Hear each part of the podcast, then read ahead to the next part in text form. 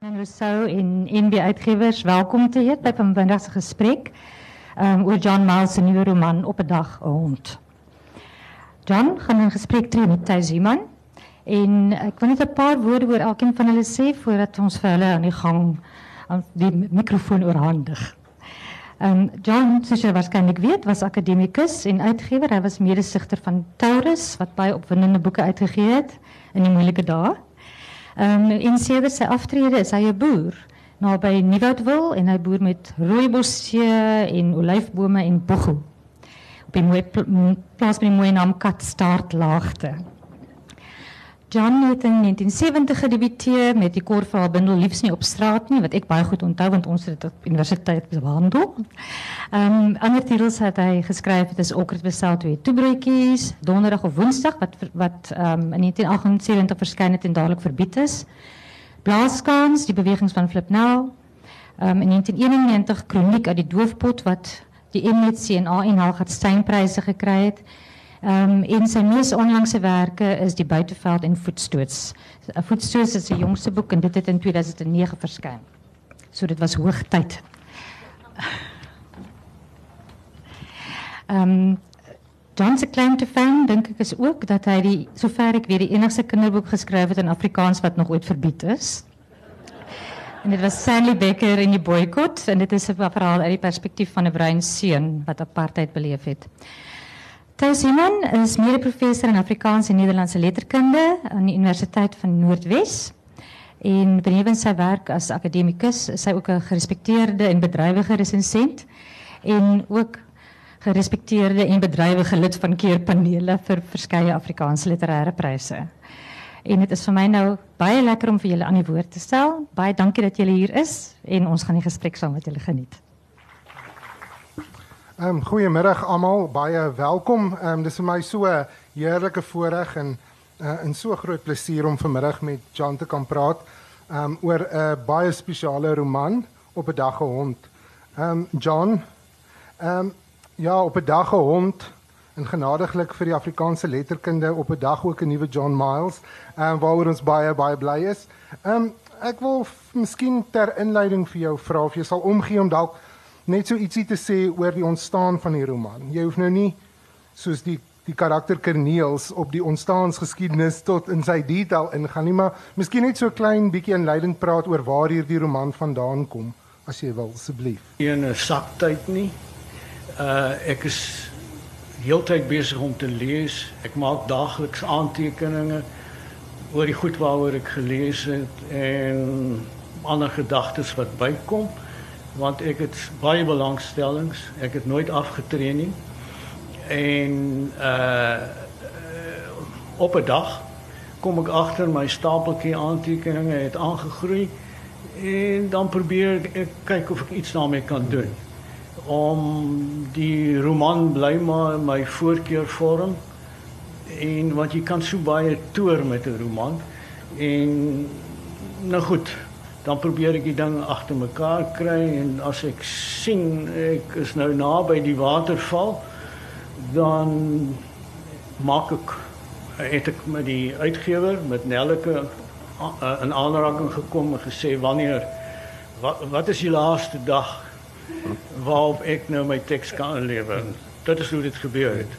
Natuurlik as ek kan byvoeg, uh ek het nie onmiddellik hierdie titel in gedagte gehad nie. Uh soos jy het 'n werktitel dan jy dink aan jy jy dink aan aan aan jy gee hom 'n naam. Dis nie 'n haar nie, so hom hierdie. Jy gee hom 'n naam en uh, maar die hele tyd spook dit by jou, dit is 'n tydelike naam en dan op 'n gegee oomblik jy oorweeg heel wat. Daar's 'n lang lysie, maar op 'n dag het ek besluit op hierdie titel. Hoe werk 'n mens met al daardie dinge waaroor jy oplees, al die um, insigte wat by jou opkom? Hoe verwerk jy dit dan na na 'n uh, 'n een eenlynige um, samehangende geheel wat uiteindelik 'n roman kan word. Ja, kyk, daar eh, 'n mens lees baie eh, dinge wat jou nie so boei nie. Met ander woorde, daai klomp aantekeninge het al reeds in sigself het al reeds 'n patroon. En wel dan moet jy nou 'n uh, hoofkarakter kies en dan uh, hy praat met iemand of teenoor iemand en agter die ou modernistiese manier. Ek weet vandag gons die wêreld oor die postmodernisme, maar uh, ek weet nie eintlik wat ek doen nie. Maar ek stel nie belang of ek regmerkies hier of daar kry nie. Maar ek dink soos ek dit leer ken, daai ou modernistiese roman van alles klop met alles. Ek probeer dit doen. Maar natuurlik nou nie op 'n uh, op 'n wiskundige manier nie. Die die honde verskil en jy kan nie jy kan nie uh eksakte patrone kry nie. Hoopelik. Ek is nou besig om my eie boek te te bespreek. Ek uh en dit is 'n gevaarlike ding ja. om te doen natuurlik want jy jy lees dalk goed wat nie daar is nie. Ehm um, ek dink in die eerste plek as as die gevolg is uh op 'n dagge hond en die werkwyse is van iemand wat nie weet wat hy doen nie, dan is baie bly jy weet nie wat jy doen nie.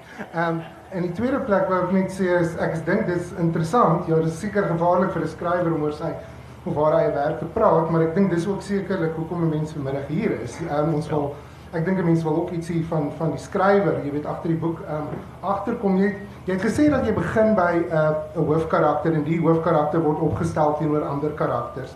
Nou die hoofkarakter in hierdie roman is 'n ou onderwyser. Um hy hy was uh ja hy hy word weer eintlik deur een van sy ou leerlinge opgeroep om soort van weer te kom skool hou. En dit dit sit eintlik hierdie verhaal op 'n manier aan die gang. Ek dink dit sou sekerlik foutief tiewelik wees by 'n uh, leser om hierdie hoofkarakter um aan die skrywer aan jou gelyk te mhm. stel. Dit is duidelik nie die geval nie. Jy het al in onderhoude ook aangedui dat daar duidelike verskille is. Wat ek gewonder het is daar ook bepaalde ooreenkomste tussen jou en hierdie hoofkarakter en indien wel tot watter mate? O ja, daar is uh, nou nie soos 'n selfie nie, nê. Uh want ek het 'n hekel daaraan. Maar uh uh daar is natuurlik want ek rig hom. Ek stuur hom. En uh nou goed. Mense sal wonder, ek was 'n onderwyser en hierdie man is 'n onderwyser. Hy is omtrent my ouderdom. Uh maar dis baie toevallig. Uh uh want Dit is 'n onderwyser omdat ek werk eintlik met 'n bepaalde lewensbeskouing. Want dit gee vir my die sin aan skryf. Ek stel nie belang in hy sê sy sê ensovoorts nie. Ek stel nie daarin belang nie. Daar moet 'n sinvolheid wees. Daar moet 'n interpretasie wees aan die handeling, aan die gesprekke. En 'n onderwyser, hierdie onderwyser, hy is baie onderwysers, hy's naamloos, hy baie onderwysers. Hy het 'n lesie te leer. Maar soos 'n goeie onderwyser weet, uh, uh besef hy in die Engelse uitdrukking lessons are taken not given. Uh ek verwag dit van die leser. Ek ek, ek, ek hoop ek kry dit reg dat hulle 'n bietjie nadink oor die implikasies van die hond uh wat gebeur ten slotte gebeur dit of is die potensiaal net daar dat iets kan gebeur. Ehm, wat jy nou opgemerk het, het soveel ehm um, nuwe vrae by my ehm um, laat loskom uh, ek moet hulle nou mooi netjies op 'n rytjie plaas. Die eerste ding wat ek dalk wil, wil oor iets opmerk is natuurlik die rol van toeval in die roman. Ehm um, ek dink dit is al iewers genoem 'n roman oor die toeval. En dit is inderdaad so dat dit eintlik bestaan uit 'n snelle opeenvolging van toevallige gebeure. Hmm. Ehm um, dit is wel vir my baie interessant dat alhoewel hier die toeval so groot rol speel, daar tog die hand van 'n uh, baie goeie ehm um, struktuurmeester daar ten grondslag lê. Ek bedoel die roman word baie doelbewus op twee vlakke gestruktureer, daar word baie goeie orde aangeskep. Ehm um, in watter mate as 'n mens met iets soos toevalligheid met die noodlot werk. Kan 'n mens dan uiteindelik ook struktuur dan ehm um, daarop op toepas of daaraan gee sonder dat dit uiteindelik mekaar begin weerspreek. Nee, uh kyk, ek dink die die goeie stoïsyne sê vir jou, jy moet onderskei maak tussen dit waarin jy 'n aandeel het, dit waaraan jy iets kan doen en dit waaraan jy nie kan nie. Nou om gebore te word, dan het jy geen aandeel nie. Dit is toevallig dat jy 'n wit is, wit is of 'n man is of wat ook al. Jy kan niks daaraan doen nie. Nou goed, dis die toeval, maar die onderwyser uh onthou patroonmatig. Daar is sekere momente want as jy eenmaal aanvaar dat die lewe toevallig is, dan kan jy die wonder begin waardeer. Want dit is eenmalig. Hierdie bestaan van jou gaan nooit herhaal word nie. Dit is eenmalig en uh, uh, uh, wel dis daar om te geniet. En dit is dan daardie kontras waarmee jy werk. Jy's toevallig hier, maar dit is 'n wonder. En die onderwyser onthou sekere goed. Kyk, daar is dekades waarvan in die roman nie wat nie in die roman ter sprake kom nie. Ek meen wat het gebeur met die skoolhou jare na Namibië voor hy afgetree het op Oubaai?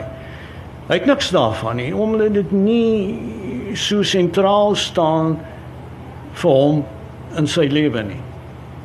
Um, hierdie hele idee van herinnering word word eintlik 'n baie belangrike tema deur die roman. Dit word eintlik al so half komies alreeds humoristies ingelei deur die skrywer, ag deur die ou onderwyser wat nie meer kan onthou of hy of sy vrou uiteindelik menomosyne teen die teen die um, die die yskas opgeplak het nie.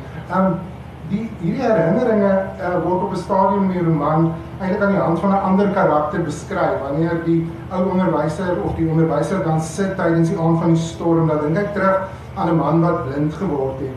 En dan sê hy dat hierdie man uiteindelik nog steeds 'n radkas uit sy geheue kon uh, opbou, dat hy uiteindelik ook in 'n donker aand op die dak kon klim en dakplate kon regmaak. En dan maak hy die opmerking dat 'n lewe in die hede is onmoontlik sonder die verlede. Maar daar was ook vir my die gedagte in hierdie boek dat op die teendeel waar is. Met ander woorde dat die die hede of die verlede is ook eintlik ondenkbaar sonder die hede.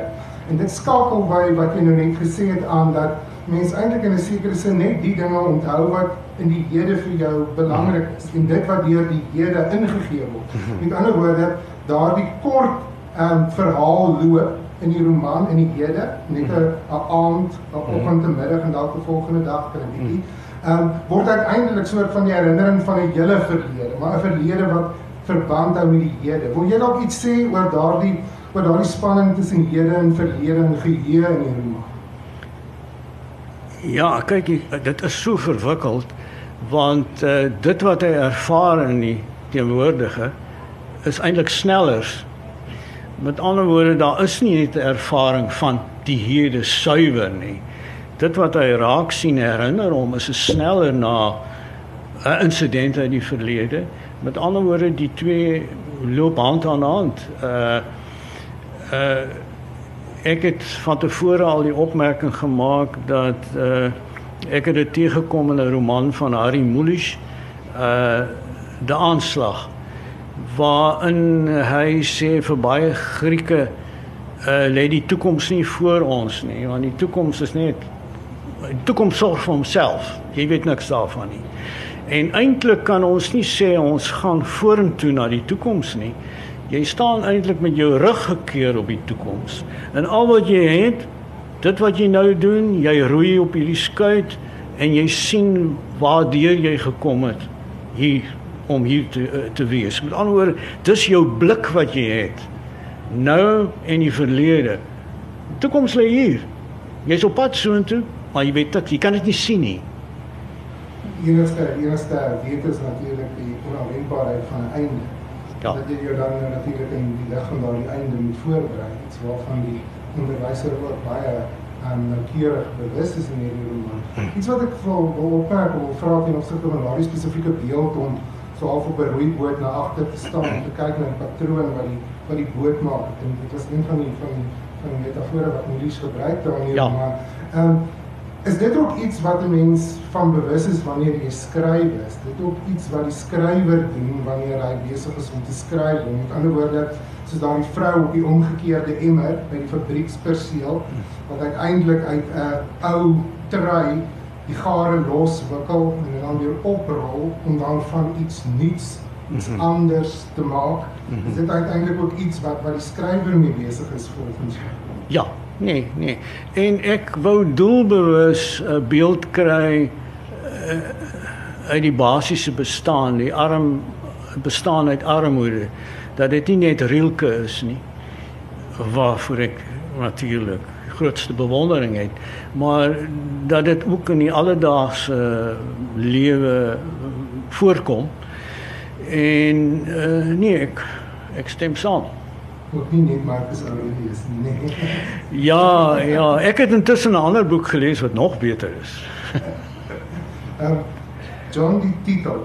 Um, ons het nou iets gesê oor oor ehm um, die hoofkarakter. Die titel op 'n dag hond is eintlik 'n so 'n gewone maar 'n uiters ja. buitengewone titel.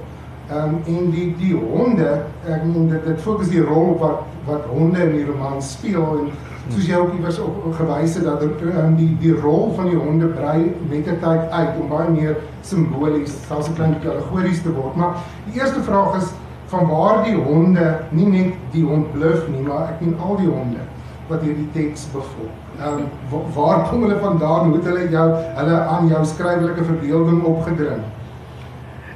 Ja, dit, wel dit is 'n persoonlike anekdote wat ek miskien kan vertel. Jy weet daar in die 70er jare het Elsa, my vrou uh uh om ja, uh, het skool gehou en op 'n dag het haar hond onder haar uh tafel kom lê, onder haar lesenaar of tafel kom lê en sy die hond opgemerk met sy aangehou met uh haar klasse En toe die klok lui om huis toe te gaan, is die hond nog daar en wat doen jy?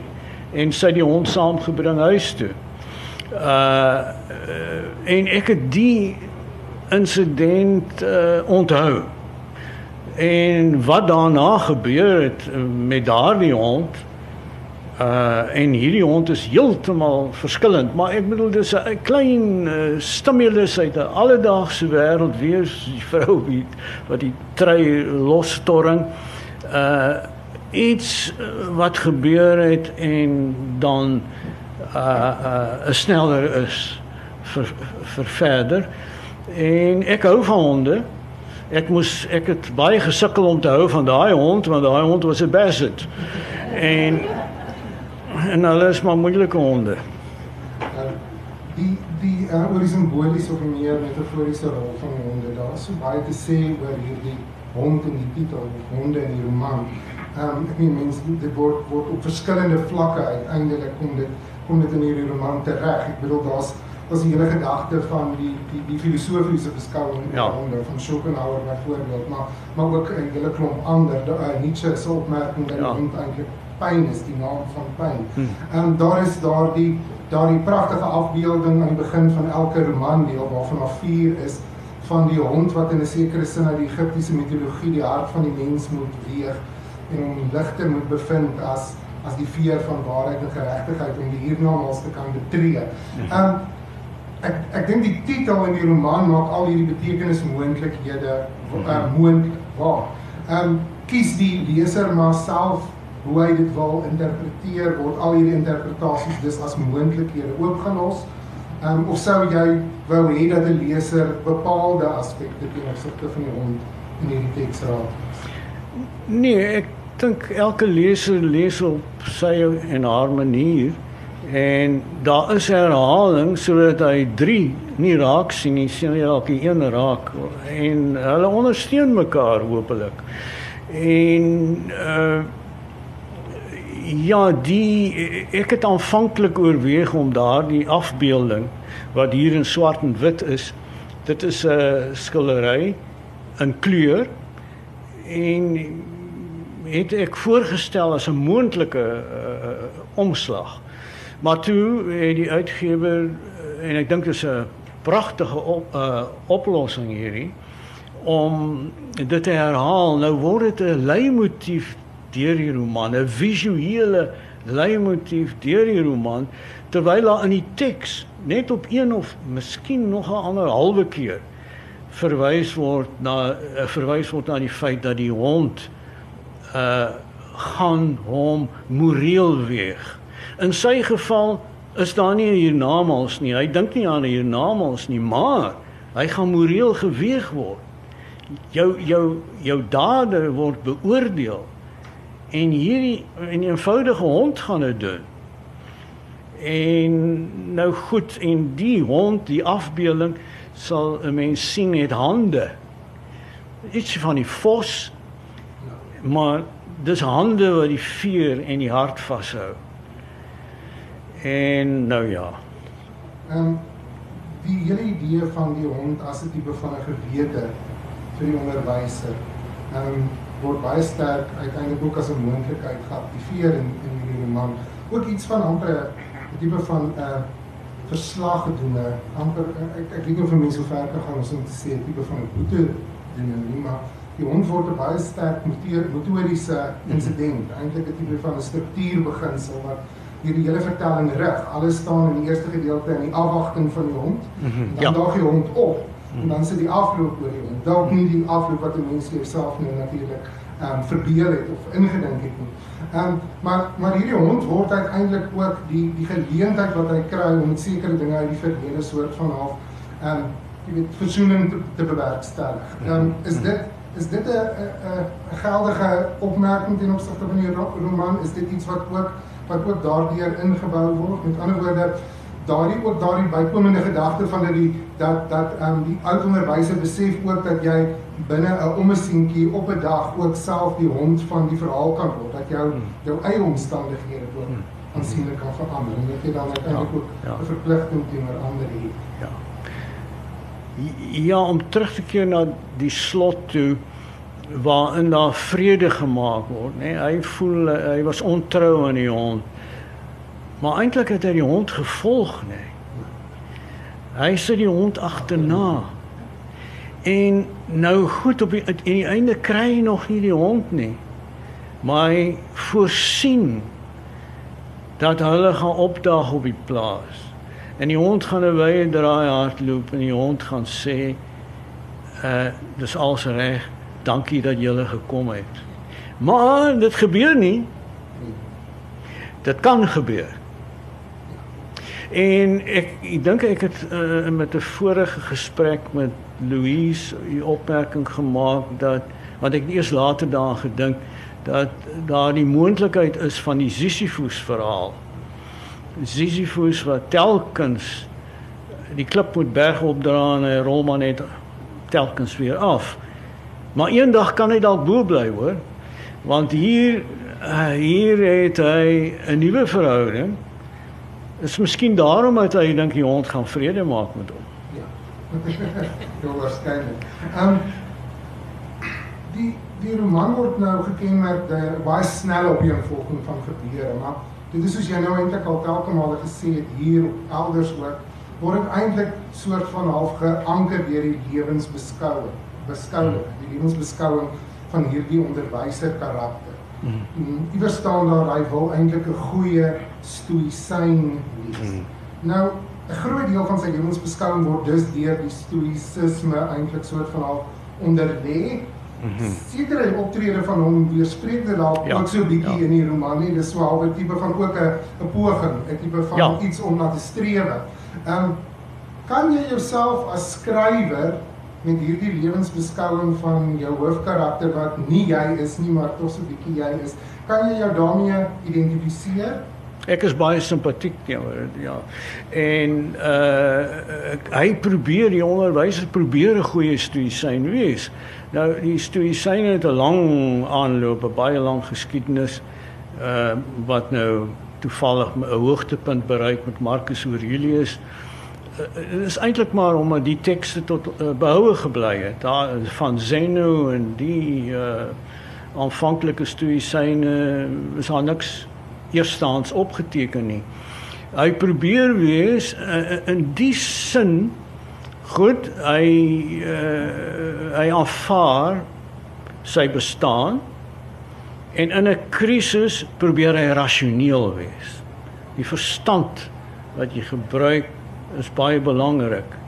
En wat beteken dit om uh rasioneel te wees? Jy moet kyk na die natuur. Die natuur is daar, die natuur wys vir jou die patroon. En dan die ander ding is uh, uh mense moenie dink dat uh moraliteit is nie van belang vir die stoïsyn nie. Uh deug staan sentraal.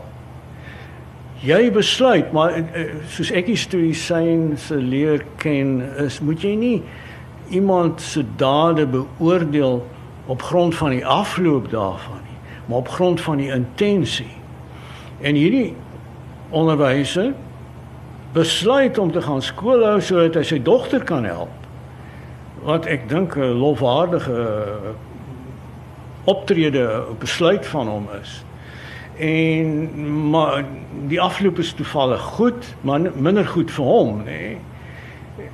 Nou goed, ek al wat ek wil sê, ek te ken wil gee is ek dink hy probeer 'n goeie stoïsyn wees. En hy kry dit meeste van die tyd redelik goed reg. Ja. Ehm um, as 'n mens so kyk na hierdie stoïsynse ingesteldheid, en 'n mens sê nou dat dit mense as skrywer ook iets simpatiek daaroor staan. Ehm um, behels dit nie in 'n sekere sin ook 'n bietjie van 'n wegbeweeg van daardie werk wat as baie betrokke beskou is in jou oeuvre of hmm. is die twee ook met mekaar te rym seker is Ja, dit staan 'n bietjie weg sekerlik. Dit staan 'n bietjie weg, uh, maar uh, ag ek het nie probeer om 'n grootse roman te skryf nie wat nasionale vraagstukke uh, hanteer nie. Ek is uh, kyk daar's baie mense wat dit doen en uiters knap doen. Ek is nie sinies of sarkasties of wat ook al nie. Ek wou dit nie doen nie. Uh ek ek uh, was tevrede met hierdie gewone onderwys wat natuurlik lewe in 'n gewelddadige omgewing of dit ou baie is, die platteland is en of dit die stad is is is jou lewe is relatief min werd maar eh, die aspek wat ek wou beklemtoon anders byvoorbeeld as sê maar voel by die eh, by die uh kom ons sê die Sartre Camus tydperk is angs nie vir hom 'n faktor nie. Hierdie man is nie bang nie. Hy's hy hy loop in die in skares in hy loop waar gewone mense loop vreesloos. En ek dink daar het ek iewers daar 'n bietjie aangesluit by Kasanzakis wat uh, geen hoop het op die toekoms nie maar ook geen vrees het nie. Ag uh, ek ek noem oral sulke ankerpuntjies want daai lysie titels aan die begin waarop 'n uh, denkbeeldige kyker sou kon kyk op sy boekrak is min of meer almal ouer uh ouer mans wat terugdink oor een of ander uh moment in die verlede die Noorse skrywer die Joodse Israeliese skrywer uh en almal uh tree op op 'n manier die Argentynse van Bolano ag ek het dit maar net sommer so as 'n tipe agtergrond gegee. Dit is maar interessant dat jy sê snellers of leidrade want in 'n sekere sin kan lesers of die lesers wat belangstel dit dan as rigtingwysers gebruik. Die mense natuurlik ook al die ander intertekstuele verwysings met baie groot vrug kom gaan opvolg en eintlik heerlike speurtog op touse. Maar tog is nie een van daardie goeders uiteindelik belangrik vir die lesing en verstaan en vir die genot van die teks nie. Ja. En ek dink dit is dit is een van uh, vir my in elk geval een van die kenmerke van 'n van 'n lekker goeie roman hmm. is dat dit nie nodig is om al ja. daardie dinge nee. te volg nie, maar dat daar 'n wêreld oop gaan sou jy dit dan wel doen. Ja. Nee, ek ek ek, ek uh, stem volmondig saam. Dit is net vandag dat Google so maklik is, jy weet, is Malevich, dan Google jy hom gou-gou en jy sê, "Ag, oh, val pragtig." En wat van die die aanhaling, die motto in die begin van die lagende filosoof wat so baie dit pas miskien by die lagende skrywer. Ek was so bly dat Nelleke op hierdie foto besluit het. Dis 'n pragtige foto. En is nie soos wat ek normaalweg lyk nie. um, John, jy jy praat ekskuus. Ons ons het dit nou oor die stoïsyns en ons het dit nou oor allerlei meer filosofiese dinge. Ehm um, ek wil miskien sommer nou 'n baie praktiese vraagie sommer so tussen ingooi. Ehm um, en dit is 'n mens bes, kry die gevoel dat hierdie skrywer of hierdie onderwyser, ek ekskuus, die onderwyser wanneer hy nou teruggaan en skool begin hou vir hierdie kinders, dan beteken hy tog vir hulle iets. Hy help hulle nie net inhoudelik nie, maar hy help hulle ook eintlik met vraagstukke in hulle lewens. Maar op 'n sekere stadium is dit ook baie duidelik dat sy lewe en sy uitkyk op die lewe drasties verskil van hom. Dat hy 'n ander manier het waarop hy die lewe benader. Nou, dit het my laat wonder. Ehm um, op 'n stadium sê die die onderwyser sy vrou het en hy het uiteindelik aansteekborde gebruik wanneer hulle geskryf het en daarop het hulle inspirasie vasgespel. Hulle het natuurlik ook nog altyd oorweeg om na die boeke toe te gaan vir navorsing, nie net Google nie. Ehm um, ek is nuuskierig, wat watter proses of watter watter tipe van van tegniek volg jy wanneer jy skryf? Ehm um, is jy iemand wat die tegnologie aangryp? Ehm um, of is dit eerder iets wat wat iets van die ou ouer ouer ja, manier van ja, skryf en te ja. werk gaan uiteindelik ook ehm um, ja. Die goed gee af van jou, hoor. uh, weldra uh, gebruik jy meer en meer. Dit het my hele tyd geneem om uh, te Google soms so maklik op jou met jou een hand. Maar ek het nog steeds 'n woordeboek. Uh die nuwe hat nommer 6 is dit nie waar nie. Ek uh, gebruik dit want daar's altyd iets anders wat my aandag aftrek. En uh met ander woorde, dit is so hibridies, nê? Nee? Uh maar soos wat mens ouer word, soos wat jy verder leef, neem die tegnologie oor. Ek het nog 'n ou dagboek. Ek kan nie waar ek skryf. Maar natuurlik kan tegnologie natuurlik ook nou nie verdomming ehm um, ja. tipe van populisme en 'n tipe van 'n kulturele vervlakking natuurlik aan ja. altyd of nie.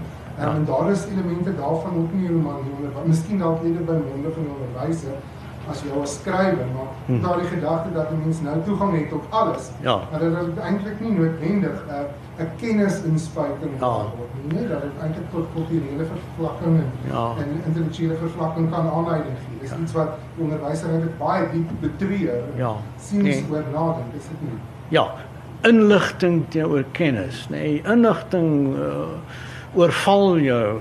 Uh maar uh bewoe of deurdinkte uh, uh kennis is iets wat uh nie so maklik is nie om by te kom nie. En ervaring in die ja.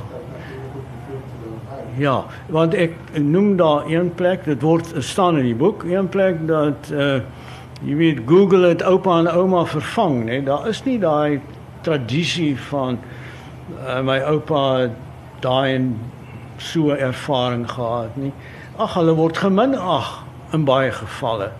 En dit is natuurlik 'n uh, 'n uh, 'n snit wat gemaak word met die tradisie en dit raak ons almal nê nee, ons die swart kulture waar die orale tradisie so sterk staan daar's ook daai band wat verbreek word.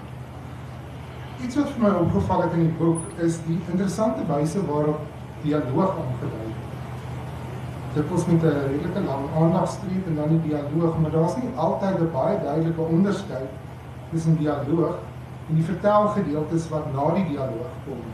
Met ander woorde dat die gedagtes eintlik in 'n sekere sin in die vertelling oorloop en hmm.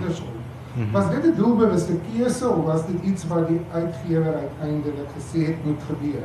Of is nee. dit 'n nuwe tendens waarvan ek eintlik baie goeie kennis behoort te dra? Nee, nee, nee, ek dink dit was 'n nagmerrie vir die uitgewer. nee, ek moet sê ek het dit eerste keer teëgekom uh in die Nederlandse letterkunde die arbeiderspers byvoorbeeld wat boon uitgegee het Hermans by van Oorskot nog destyds het daai ek weet nie waar is die nuutskeppings in Afrikaans nie, maar ek dink die Engelse praat van 'n M dash. 'n M dash uh die verlengde aandagstreep. En dit is redelik algemeen en ek dink op 'n dag het ek gesien dat Nadine Gordimer dit ook by een van die Taurus boeke te sien ek sy gebruik het. En ek het dit destyds met Okker gedoen. Van wanneer was dit 73? het ek dit vir die uitgewer gegee en dit was die dae dat jy nog geleiproewe gekry het En toe die geleiproewe kom, toe sien ek al my aandagstrepe het nou aanhalingstekens geword. Nou, ek probeer nooit so moeilik wees nie. Ek het dit maar aanvaar. Maar daar's ook iets van 'n selfgesprek, 'n tipe van 'n Ja. selfdebat. Ehm um, wat natuurlik weer te ruim is met die stoïsynse ingesteldheid wat Ja. eintlik ook op so 'n wyse in roman Ja. ontstaan kom. Dat 'n mens nie altyd heeltemal seker is presies wanneer Ja. iets vertel en wanneer iets gesê en Ja. wanneer iets gedink word. Ja. En, ehm, sou dit heeltemal in in uh, aandag uh, in aanhalingstekens verskyn het, sou dit natuurlik heeltemal 'n 'n 'n 'n ander se Ja. indruk geskep het. So Ja. ek dink dit dra ook by tot die inhoud van die roman. Dit is Ja. nie net 'n manier om om die dialoog aan te nie of Ja, nee. te veel daarin. Nee nee nee nee nee, ek stem heeltemal saam en dit is natuurlik vir die skrywer ook 'n uitdaging want hy uh, jy moet nie onnodige krisisse skep vir die leser nie. Jy wil nie struikelblokke skep vir die leser nie, uh, want, want dit is dis hinderlik. En uh, 'n mens moet moet onderbreek jy nou maar die stoïsynse nie gesê, die stoïsyne nie gesê dat uitdagings en struikelblokke is weer nuwe moontlikhede en uitdagings. nie. Ja, nee, maar nee, goed, goed. Uh en daar is natuurlik uh, tekste wat geheel en al wegdoen met die aandag, met die aanduiding. 'n Mens kom net op grond van die imperatief en en agter nee, dit dit, dit word gesê en dit kan nie A wees wat dit sê, dit kan nie B wees. Uh ek dink Marias die Spaanse skrywer uh Ek verbeel my nee nee nee. Maar een van hulle het so en dit is 'n geweldige uitdaging vir die skrywer om waar hy doelbewus dit sien as 'n uh, 'n direkte rede uh, as 'n aanhaling om om om nie verwarring te skep nie. Maar jy weet in 'n normale taalgebruik situasie is daar nie aanhalingstekens nie behalwe as ons polities korrek is nie. Ehm um, ek dink daar's nou nog soveel vrae wat ek wil jou vir jou wil vra, maar ek dink miskien is dit dalk 'n goeie uh, tydstip in die gesprek om nou vir ook die gehore geleentheid te gee om dalk die een en ander vrae te vra. Dan kan ons dalk aan die hand van daardie vrae um, die gesprek voortsit. Dit gee dalk weer nuwe gedagtes en nuwe nuwe invalshoeke. Uh, ek wil graag hoor, is daar dalk enige vrae op hierdie stadium oor die gesprek so ver of dalk miskien heeltemal in 'n nuwe rigting? Weet jy jy het gepraat van die hond was baie die 'n hond was baie keer die sneller na na die verlede en dit is hoe daai brokkies elke keer so half deurkom. Maar vertel net so 'n bietjie van daai verskillende honde en natuurlik dan die mitologiese honde wat inkom. Uh, Een van die wysgeere wat gesê het jy jy los probleme al lopende op en wat met sy honde gestap het ensovoorts.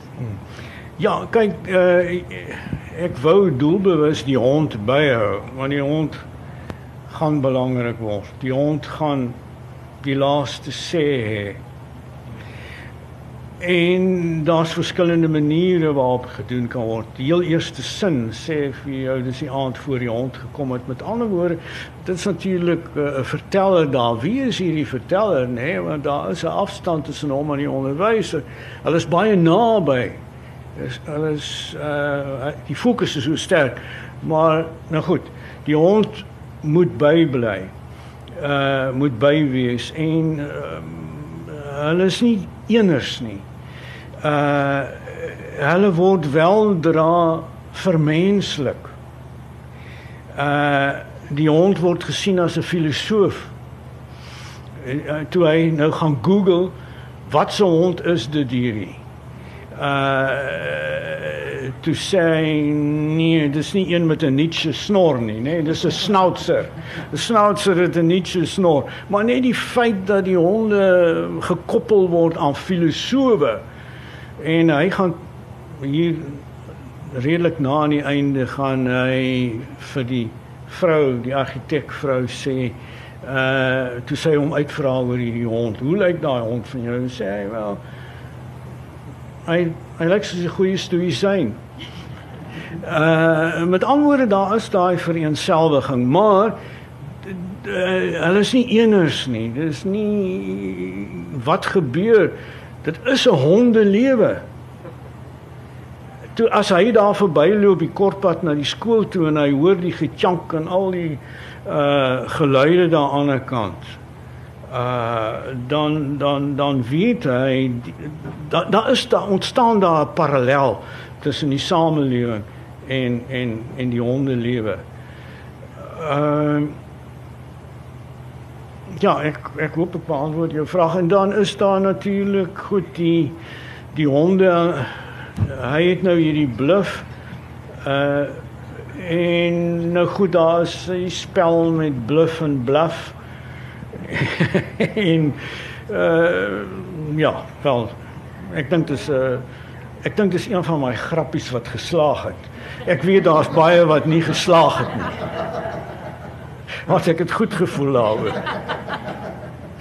Uh ja, skort natuurlik en die die va, uh, van die ander honde wat ook nog sê oor die hond nee, daar die toe hy nou uh, dink aan die hond wat hom uitgekies het.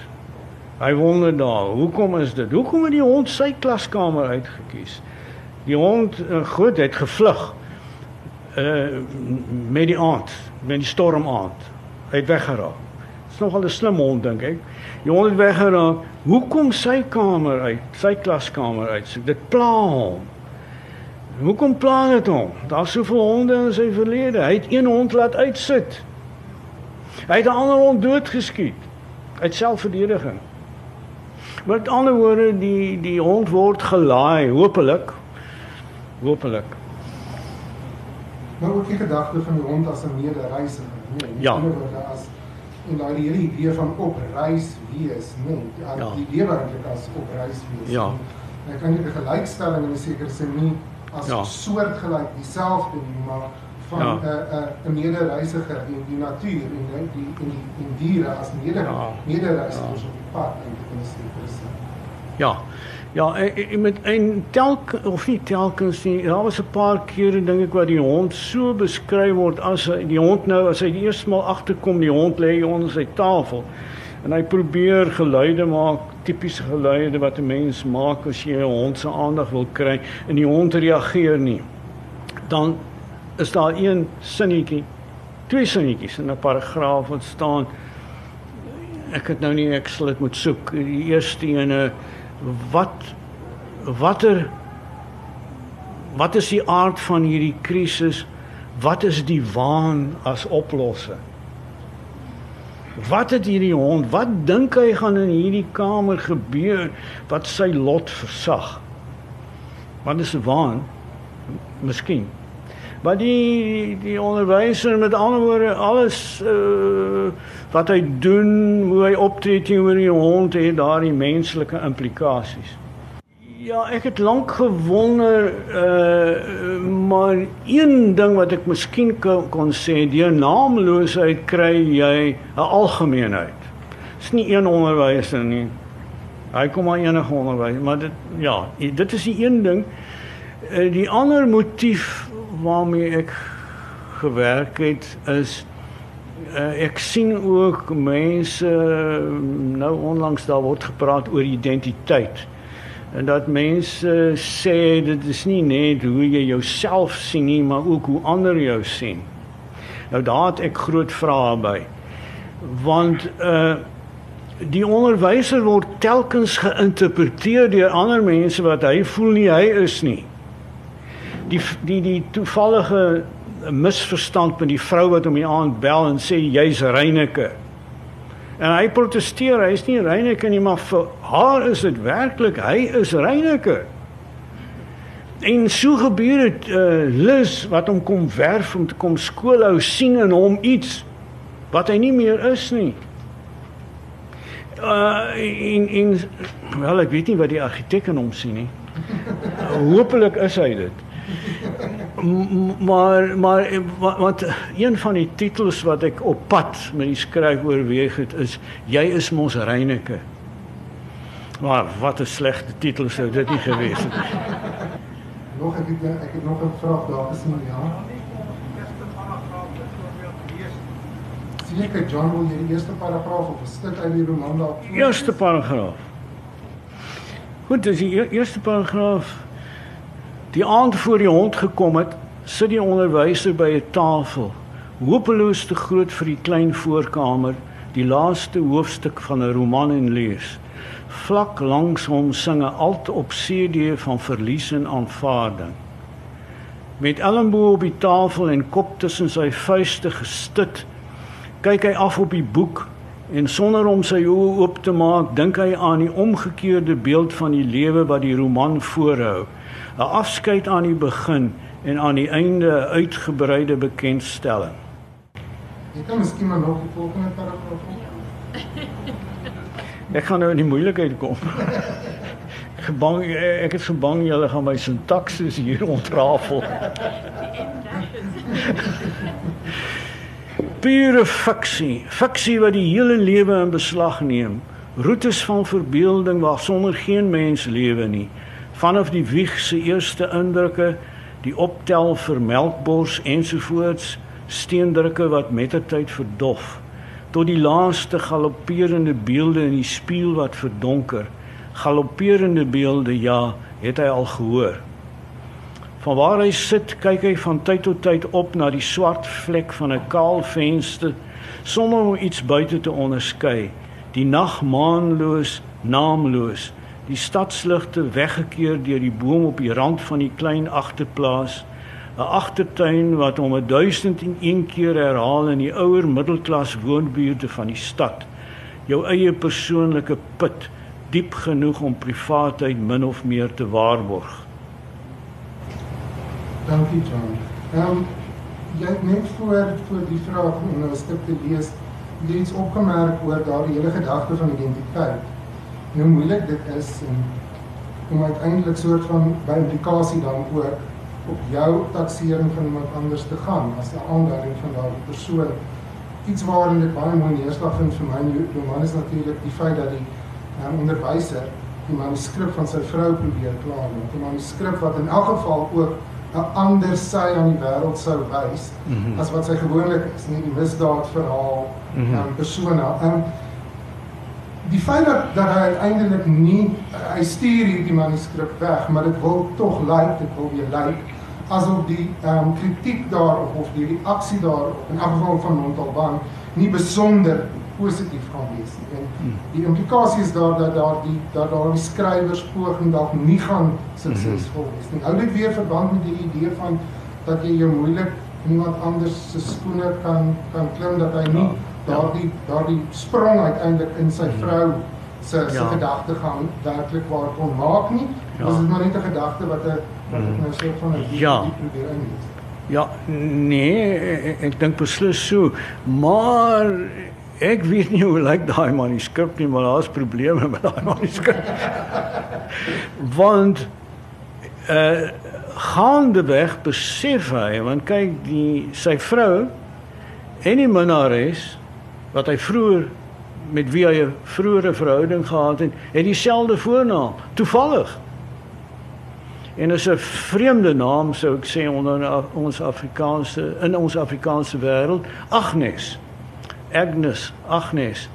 En ons kom agter, of ek dink die leser moet agterkom dat hy later die vroeëre Agnes insleep in hierdie verhaal. En dit is natuurlik 'n probleem sekerlik vir hom, né? Nee?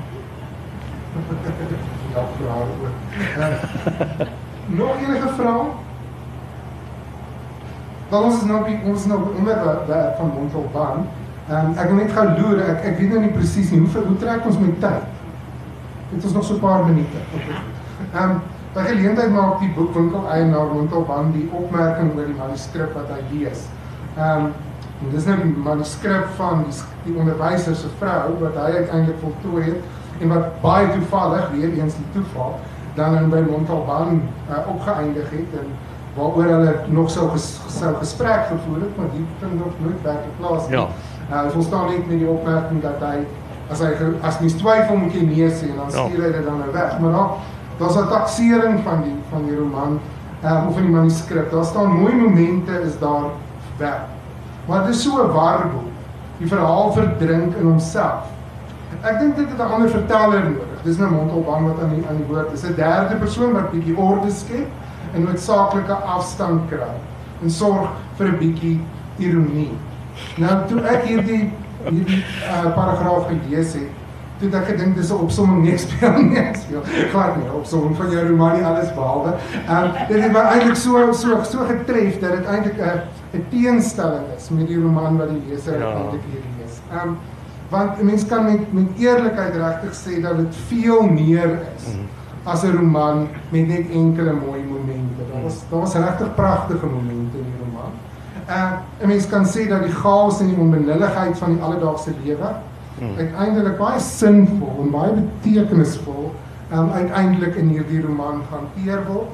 Uh 'n mens sou verder kom kom gaan om te sê dat die verhaal ten spyte van al die baie water en al die poele en al die verspoelings nooit ehm um, verdrink nie, nooit in homself verdrink nie dat die vertellers perspektief al is dit 'n verteller buite die onderwyser besonder oortuigend is en dat daar meer as genoeg voorbeelde is van ironie en van daai besondere awerigse humor waarvoor ons maals eintlik al leer ken het. Ehm um, so ek wil eintlik sê dat as jy nog nie hierdie roman gelees het nie en um, dalk bang is dat dit filosofies bo jou vuurmaakwerk gaan wees, dis glad nie die geval nie. Dit is 'n wonderlike roman. Koop dit onmiddellik. Dankie dat ek met jou kon gesels. Baie dankie.